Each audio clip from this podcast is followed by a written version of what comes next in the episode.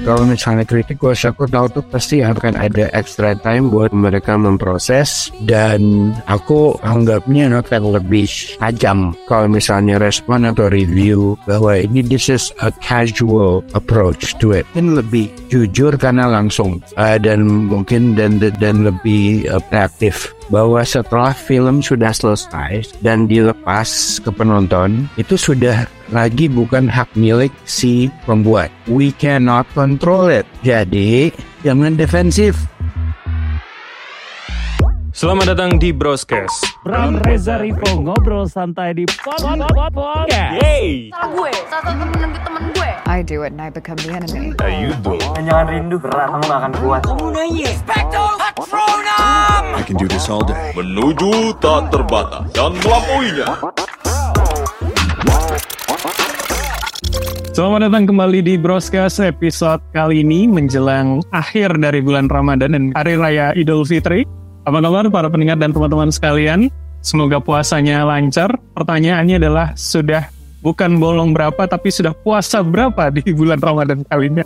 Karena kalau tanya bolong kayaknya pertanyaannya sama dengan semua orang. Tapi sudah puasa berapa kali itu yang biasanya menjadi pertanyaan sensitif dan biasanya pasti bohong kalau jawabnya. dan seperti teman-teman bisa lihat di poster dan juga di judul, eh, tamu kita adalah Mas Paul Agusta. Halo selamat siang Mas Paul. Siang, siang semuanya. Thank you udah mau gabung sama kita di siang hari ini uh, dengan Broscast. Ini kita masih akan melanjutkan kritik film uh, karena pada beberapa waktu yang lalu kan juga sempat hari film kita Broscast bahas soal bagaimana kontribusi, bagaimana uh, peran dari kritik film untuk industri film nih, Mas Paul. Nah ini saya langsung aja nih Mas. Jadi uh, kalau Mas Paul yang dulunya kritikus film dari media mainstream sekarang menjadi sinias, gimana sih ngeliat dunia kritik yang hari ini? Uh, ya berkembang cukup jauh. Orang bisa stand out ngomong apa pun yang mereka suka apalagi dengan media sosial. Berkembang baik atau enggak sih dengan jumlah yang besar ini mas? Menurutku ya kita harus mulai dari uh, membedakan istilah kritik sama review atau respon. Kalau misalnya aku dengar kata kritik ya mungkin kalau mungkin aku terlalu kaku atau terlalu old school soal itu. Kalau aku mendengar kata kritik film, aku tuh ngebayang tuh apa aku ngebayang tulisan panjang semi akademis mengulik benar-benar filmnya secara detail, mengulik elemen-elemen dalam filmnya dari cerita lah, visual dan segala-galanya. Kalau aku mendengar kata kritik, aku di kepala aku tuh analisa mendalam. Kalau misalnya yang kita lihat sekarang di social media dan segala itu lebih lebih ke review atau respon. atau ulasan masuk nggak di kategori itu Ulasan, ya ulasan. Oke. Tapi ulasan pun juga lebih mirip kritik karena untuk mengulas sesuatu kita harus agak membahasnya lumayan dalam. Jadi aku merasa tuh lebih kayak respon sebenarnya. Karena hampir selalu ini kan biasanya kalau misalnya kita nulis kritik ya atau ulasan biasanya diendap dulu, diproses, dipikirin. Kalau kebanyakan oh, yang di social media ini adalah kita nonton langsung buka HP langsung post. Ya itu lebih ke kayak respon menurut dan emosional ya sering kali mungkin emosional tapi lebih ke reaktif. oke Reaktif is the right word kayaknya menurut. Kalau misalnya kita menonton uh, ngomongin penonton awam, uh, penonton in general ya, uh, publik itu masa, itu mungkin bisa dibilang respon paling jujur. Karena mereka nonton, ah nggak suka nih, terus langsung gitu oh aduh suka banget gua ngakak dua jam setengah gitu or something like that. Itu benar-benar reaksi yang jujur, yang langsung dirasakan, langsung disampaikan. Jadi menurutku sih kalau misalnya perkem, ditanya perkembangan kritik film, kok kritik film sendiri menurutku makin jarang. Karena makin jarang kita lihat tulisan-tulisan panjang, ya eh, ada gitu. Tapi dengan yang melakukan itu tidak banyak. Oke, artinya um, menurut Mas Paul uh, karena medianya semakin banyak, ap- apakah orang akhirnya semakin berlomba untuk semakin cepat, tapi di sisi lain juga tidak dalam. Akhirnya seperti sorry to say banyak media mainstream yang akhirnya melakukan hal serupa hari ini. Ah, menurutku sih yang sering kita lihat banyak sekarang ada yang langsung di post apa itu lebih ke review atau uh, respon um, personal atau atau semi subjektif terhadap orang-orang eh, terhadap film oleh orang-orang yang mungkin orang itu memang penggemar film yang suka nonton dan nontonnya banyak referensinya banyak. Uh, tapi tetap pembahasan aku masih lihat dari bukan pembahasan yang benar-benar jarang sekali ada pembahasan yang dikulik benar-benar dalam yang cepat naik Karena butuh proses uh, pendalaman uh, kontemplasi tadi tuh ya. Iya menurutku gitu. Eh kalau misalnya mungkin nah, ya bagian balik yang ke gue bilang tadi ya mungkin em, definisi gue kolot ya soal kritik film. Tapi bagi gue kritik film itu sesuatu yang memang harus dipikirkan, dikulik, didetail, di tanggung jawabnya besar gitu. Sedangkan menurutku kalau misalnya kita melihat apa yang banyak terjadi di social media kayak postingan IG story lah atau uh, tweet walaupun tweetnya panjang berapa thread tapi habis nonton gitu kan itu itu lebih terasa kayak respon atau review. Dan itu tidak salah. Kalau misalnya kita dismiss oh itu personal aja nggak apa-apa apa nggak nggak penting dia itu. No itu indikator bahwa ada sebagian dari penonton kita yang suka atau tidak itu udah evolusi dari cara film direspon. Kalau misalnya kita ngomong kayak 10-15 tahun lalu mungkin kita harus 15 tahun lalu lah. Zaman zaman gue masih jadi kritikus di Jakarta Post like almost 20 years ago. Itu kita harus nunggu sampai diterbitkan di koran atau muncul di atau naik di website. Biasanya jedanya 2-3 hari setelah kritikusnya nonton di film keluar hari Kamis artikelnya baru keluar hari Minggu untuk hari Sabtu gitu. Kalau sekarang tuh udah nggak kayak gitu lagi gitu. Karena evolusi respon penonton itu bisa lebih cepat dan yang merespon langsung penonton masa gitu itu jadi udah berubah playing fieldnya menurutku itu nggak salah malah menurut aku itu sangat membantu filmmaker dan mem- membantu pengusaha-pengusaha film gitu untuk bisa dapat langsung respon dari penonton. Ya kalau itu bagus kan bisa mereka retweet, bisa mereka repost, bisa mereka sebarin gitu. Resikonya adalah kalau mereka nggak suka, nah itu gitu. Babak belur juga ya. Iya, Oke, ini artinya kan kolom yang berbeda mas ya, tapi tapi kemudian tidak bisa dinafikan satu sama lain.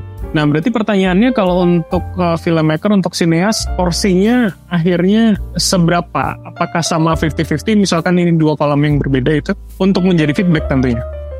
Ya, kalau aku pribadi sih sebagai filmmaker mungkin karena aku dulu kritikus, aku menganggap dua-duanya, aku me- menghormati dua-duanya dengan level yang sama. Tapi balik lagi ke tadi, aku tahu nature-nya apa, sifatnya apa. Yang ini adalah respon langsung reaktif dari setelah menonton, atau lebih respon emosional soal senang atau tidak.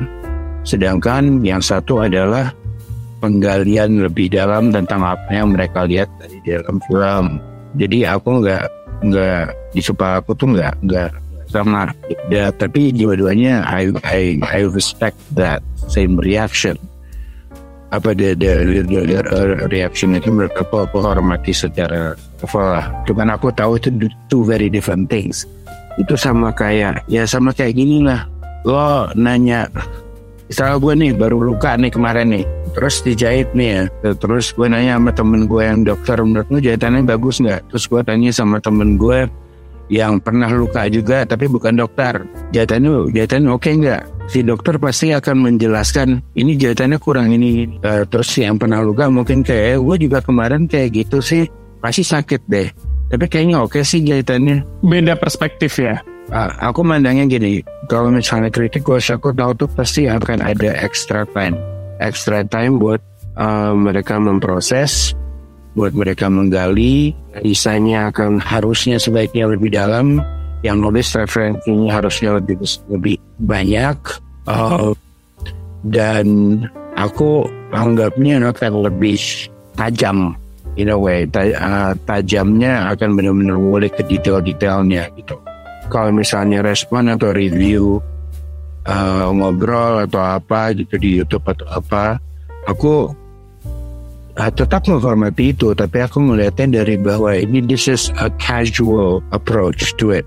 This is a casual response and review. Jujur kalau misalnya secara respon mungkin lebih jujur karena langsung uh, dan mungkin dan dan lebih apa um, reaktif. Tidak sempat ditenangkan di pikiran dulu gitu. Langsung kayak oke okay, gue nggak suka gue akan ngomong gue nggak suka itu uh, gue suka banget gue akan ngomong dengan semangat kenapa gue suka gitu. tapi menurutku memang again balik itu sih mungkin mungkin gue yang udah pola tapi kalau kritik sama respon atau review review direct di social media itu menurutku dua hal yang berbeda gitu. pendekatan yang berbeda gitu ya iya oh, iya oke okay. dan yang gue lihat okay. lebih banyak sekarang tuh respon respon instan atau uh, review instan ya gue baru keluar bioskop nih atau gue kemarin semalam nonton nih terus ini terus langsung dikit atau apa gitu. Oke, okay, tapi itu kemudian eh, nggak uh, bisa kita kita ini ya kita nafikan gitu loh bahwa itu karena yeah. perkembangan zaman jika orang semakin akhirnya semakin bisa speak up uh, lebih cepat gitu loh soal apa yang dia dia rasakan. Iya, yeah, itu nggak bisa kita dismiss dan itu salah satu hal yang kita harus terima dan antisipasi juga sebagai filmmaker bahwa itu akan terjadi dan yang paling nomor nomor satu yang harus diingat filmmaker atau pengusaha film adalah soal hal itu adalah we cannot control it. Jadi jangan defensif. Jangan merasa bahwa setiap cuitan itu harus direspon. Karena mereka merespon ke film kita. Kita bukan berarti harus merespon ke cuitan mereka. Gitu. Karena kita, karena aku nih penganut uh, garis keras bahwa setelah film sudah selesai, setelah karya sudah selesai dan dilepas ke penonton, itu sudah lagi bukan hak milik si pembuat. Itu jadi hak milik penonton. Penonton suka atau enggak, gue mau nangis kejar, gue mau ngomel, nggak ada guna juga karena udah mereka tonton itu di luar, out there gitu. Mas Paul, berarti gini, bisa nggak kemudian uh, saya sim coba aku simpulkan gitu, ketika bicara dua kolom yang beda, dua pendekatan yang beda, maka kritik film itu bisa menjadi masukan untuk sebuah idealisme filmmaker membuat di kemudian hari. Tapi yeah. kemudian uh, pengulas atau reviewer film itu menjadi feedback untuk sisi marketnya gitu loh, dan itu juga akan berpengaruh dan dibutuhkan PH untuk untuk tahu kemudian pangsa pasarnya ke depan. Bisa bisa gitu nggak sih? Bisa, tapi juga bisa berguna buat filmmakernya, buat si uh, buat karyanya. Hmm. Karena mereka akan langsung bisa tahu bahwa oke okay, gue I'm reaching the hearts of these people. Or I'm not reaching the hearts of these people. Dan maybe ada maybe gue bisa introspeksi dan oh, gue mungkin kurangin di sini. Atau gue bilang oh lihat oh this is working. So maybe next time gue akan coba lagi melakukan hal yang sama memperbaikinya menambahnya karena this seems to be working this is something I can use again hmm. tetap, tetap bisa jadi source pembelajaran bagi filmmaker uh, dua-duanya tetap bisa jadi source cuman yang satu akan lebih mass market dan lebih casual sedangkan yang satu akan mencentung lebih very deep, deep dan mungkin uh, semi atau sangat akademis. Oke mas, uh, saya pengen coba masuk di soal kritik film begitu sebelum kita masuk ke ulasan film. Di mana koridornya misalkan soal kritik film? Mas tadi ngomong soal uh, review atau kemudian ulasan akademik. Apakah kemudian uh, lebih baik kritik itu adalah mengkoreksi secara teknis gambar dan segala macamnya atau kemudian kita kritik yang sedikit realis misalkan membandingkan uh, realita yang terjadi dalam sebuah karya tapi juga di, kita bandingkan dengan realita yang ada sebenarnya misal di mana itu ini berarti pertanyaannya basically gini um, akan ada aku bawa ke, bawa ke filmmaker yang langsung deh. Filmmaker itu kan berbagai jenis ya. Um, ada yang motivasinya memang untuk berkarya untuk me, um, mengeluarkan kegundahan pribadi dan segalanya uh, ke karyanya dan setelah itu dikeluarkan fungsinya sudah selesai hmm. uh, untuk sebuah ekspresi pribadi dia yang mungkin dia tidak terlalu uh, mengindahkan respon penonton atau tidak gitu. Um, tapi ada juga penonton ya, apa pembuat film yang mungkin bisa dibilang komersil atau uh, walaupun tidak komersil tapi tujuan mereka buat film adalah memang untuk to reach a lot of people emotionally atau buat menghibur si kritikus itu uh, kritikus yang benar-benar kritikus maksudnya yang benar-benar uh, profesinya itu gitu. Uh, bukan ya casual audience number itu sebaiknya juga bisa melihat perspektif ini filmmaker yang membuatnya perspektifnya dari mana apakah ini sebuah film yang memang dibuat to reach a people to entertain atau apa atau memang ini sebuah ekspresi artistik seorang sendiri yang bahaya adalah ketika filmmaker ataupun even reviewer itu memukul rata. Cara cara mereka menggali sebuah film. Uh, kayak gini. Gue nggak akan misalnya gue nulis nih gue tidak akan menggunakan pendekatan yang sama. Ketika gue lagi nge-review Transformers 72 atau Fast and Furious 105 gitu ketika gue misalnya nge-review film A24 atau film lokal kayak autobiografi atau apa hmm. ya mungkin sama. Kalau gue pendekatan menggunakan pendekatan yang sama tandanya gue yang bego. Gitu karena ini film yang secara fungsi aja secara niat. Tujuan ya. Iya nawa itu dari awalnya ada beda gitu. Ya kan?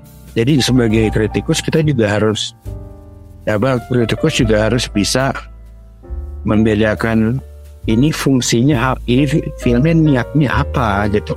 Ini filmnya memang pendekatannya sebaiknya apa.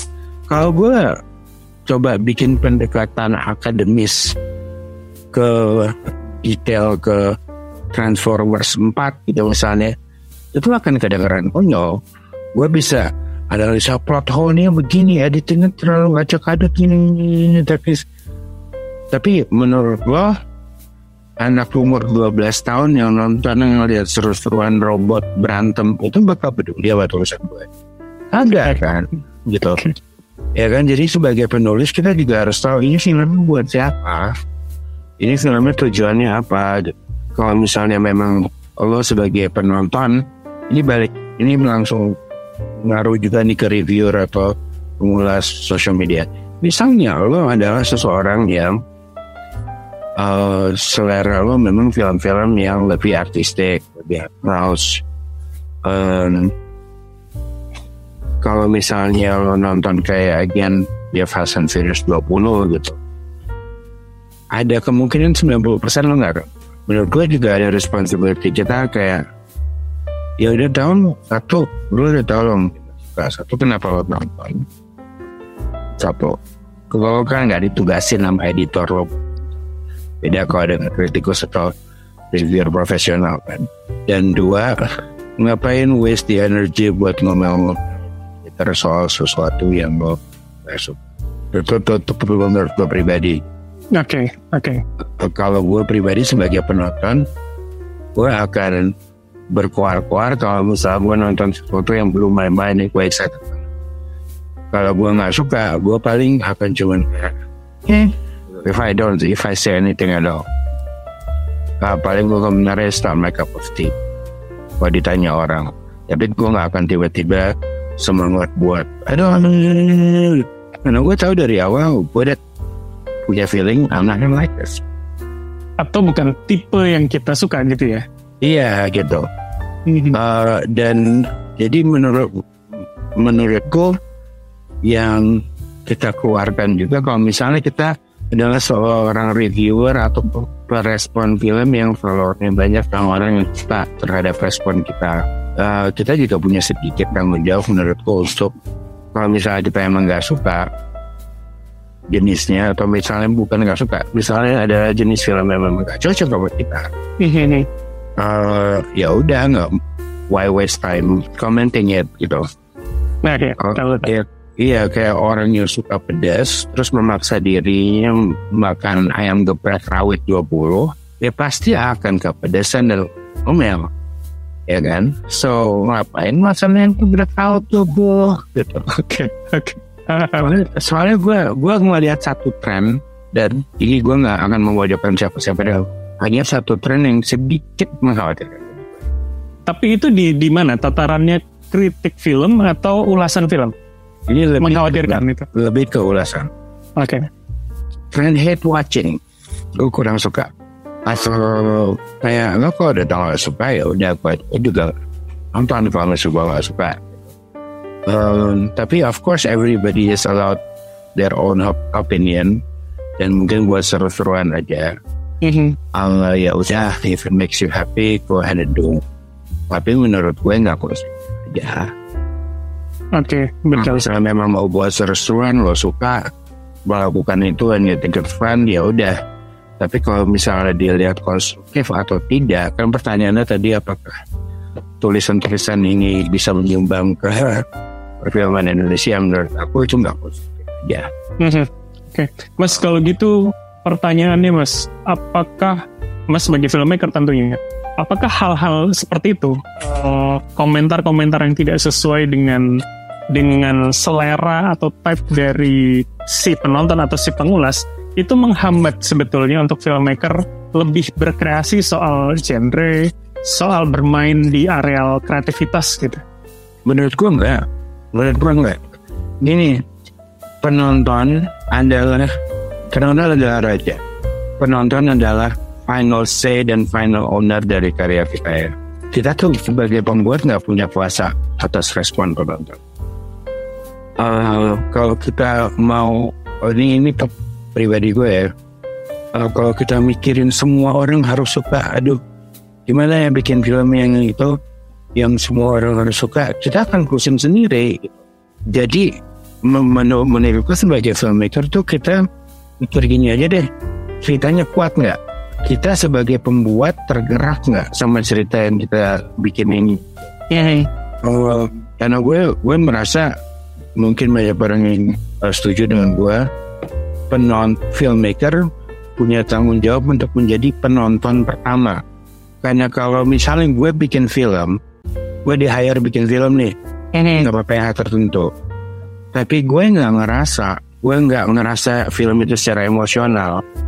Gue nggak uh, the, the cerita itu tidak efek gue sebagai filmmaker secara emotionally penonton nggak akan ngerasa juga jadi nggak akan ke reach penonton juga. Gue merasa gitu. Oke oke. jadi gue sebagai filmmaker punya tanggung jawab sebagai penonton pertama. I gotta feel it first if I don't feel it there's a big chance the audience won't feel it. Ya kan? Gitu. Kalau chefnya ngerasa nggak enak, gimana yang lain merasa enak? exactly. Kurang lebih gitu gitu. Jadi sebagai filmmaker menurut kita juga punya tanggung jawab untuk be the first audience member.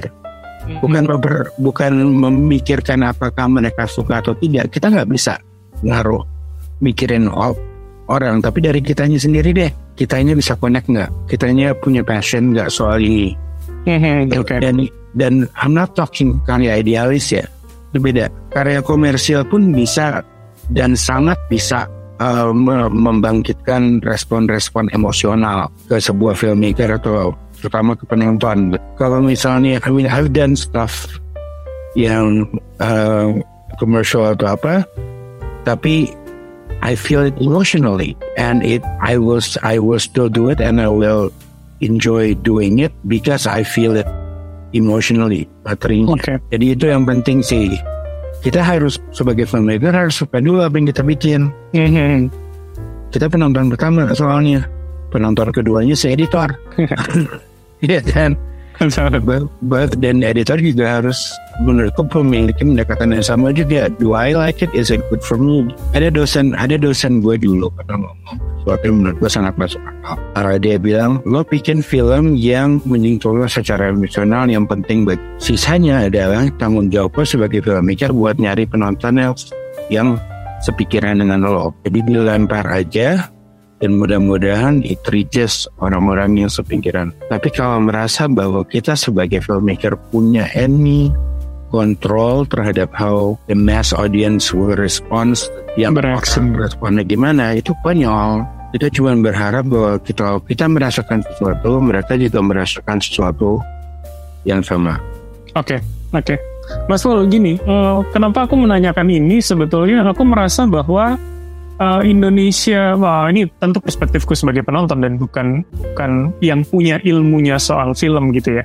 Film Indonesia masih berada di tataran yang kita masih membahas soal duplikasi realita gitu loh. Apa yang terjadi di sekitar saja. Tapi ketika misalkan kita mencoba bermain dengan science fiction misalkan atau kemudian dengan genre superhero dalam beberapa tahun terakhir itu rasanya juga tidak terlalu mendapatkan respon baik gitu oleh oleh tentunya pengguna sosial media yang, yang kita bahas di awal tadi. Jadi sebenarnya eh, ada pengaruhkah eh, soal respon eh, yang reaktif tadi terhadap keputusan filmmaker eh, merasa bahwa oh genre tertentu mungkin atau kemudian tipe tertentu nggak kemakan nih sama pasar di Indonesia. Kayak gitu atau gimana? Mungkin kalau misalnya di sini kita tidak lebih akurat menggunakan istilah pengusaha film dibandingkan film. Oke. Karena apa yang menilai what what you're saying is adalah genre ditentukan oleh respon penonton positif atau tidak secara mayoritas kan. Itu kan pertimbangan ekonomis membuat aku sebenarnya. Dan aku lihat memang di sini memang terjadi pasar itu pasti punya tren. Trennya adalah sekarang misalnya misalnya horor gitu. Penonton lagi suka horor. Jadi yang Mhm. akan menyenangkan orang-orang yang merespon setelah nonton itu mostly mereka akan punya respon emosional juga terhadap horror. Kalau pada saat itu dikeluarin science fiction, they're not in the mood for it. Sekarang zeitgeistnya lebih ke horror. Ya udah gitu. Uh, sebagai pengusaha film kita juga harus bisa membaca zeitgeistnya. Uh, dan kalau misalnya memang kurang tepat, tapi balik lagi ke itu tadi sih yang dosen gue menurut gue Uh, this is why I think that apalagi di zaman social media sekarang targeted marketing is very important. Hmm. Um, karena it's it's like you make movie you wanna make, but then you find the audience for it. Kadang-kadang kan ada ekspektasi gue bikin film nih lo harus suka. Enggak, enggak gitu gitu. Kita sebagai filmmaker punya tanggung jawab. Kalau kita bikin sebuah film yang kita tahu mungkin bukan secara mainstream, kita cari target audience side stream yang itu dan kita targetin ke mereka gitu Spesifik. spesifik apalagi kalau misalnya kita tahu memang kita tidak mainstream gitu jadi kayak misalnya if you release a sci-fi movie in the middle of a horror craze you don't try to sell to the horror audience you find the geeks you find the sci-fi nerds like. Mhm. and then you exploit the hell out of them. Karena I think it, it's it's nggak ada yang namanya one size fits all film marketing menurut gue. gitu. Uh, if you if you think jadi there is ya itu menurutku apa konyol gitu. Karena setiap film pasti punya cara pemasaran pemasaran ini berbeda. Lo nggak akan memasarkan a huge uh, hilarious Ernest Prakasa comedy the same way you would do an better horror movie kan gitu ya kan if you do there's something wrong with your marketing kalau stuff masyarakat Salah sasaran. iya gitu. Jadi se- jadi sebaiknya memang lebih ke melihat who are you targetingnya dan um, studying the target markets for each itu dan studying the trends juga. Because it might not be a good idea to release like a slapstick comedy in the middle of award season. so people might not be watching it. Lagi ya ke situ. Iya, iya. Oke, oke, oke. Jadi akan sangat eh, menyesuaikan gitu ya tren yang Iya. lagi ada sekarang. Oke, Mas Paul, eh, terakhir eh, ketika Mas tadi mengatakan ada kondisi yang mengkhawatirkan dari pengolah sosial media gitu, ke depannya akan gimana? Biasanya kan eh, tren itu akan ada titik jenuh ya. Akan sampai di mana kemudian paling tidak ending untuk kemudian kita mulai pola, mulai era yang selanjutnya. Satu hal yang gue sangat um, notice sekarang dan gue sangat suka dan sangat cinta dan sangat respect terhadap penonton Indonesia sekarang adalah mereka makin uh, bukan selektif sih what's the word I'm looking for. Mereka makin tahu apa yang mereka mau. Um, referensi mereka makin luas dengan adanya banyak pilihan OTT dan film-film. Um, the audience is getting more knowledgeable about what they want. They're getting smarter. Mhm. Dan itu juga aku nggak merasa itu ngaruh ke cara penonton membaca tweet-tweet respon itu. nggak semua ditelan mentah gitu ya Nggak semua ditelan mentah gitu.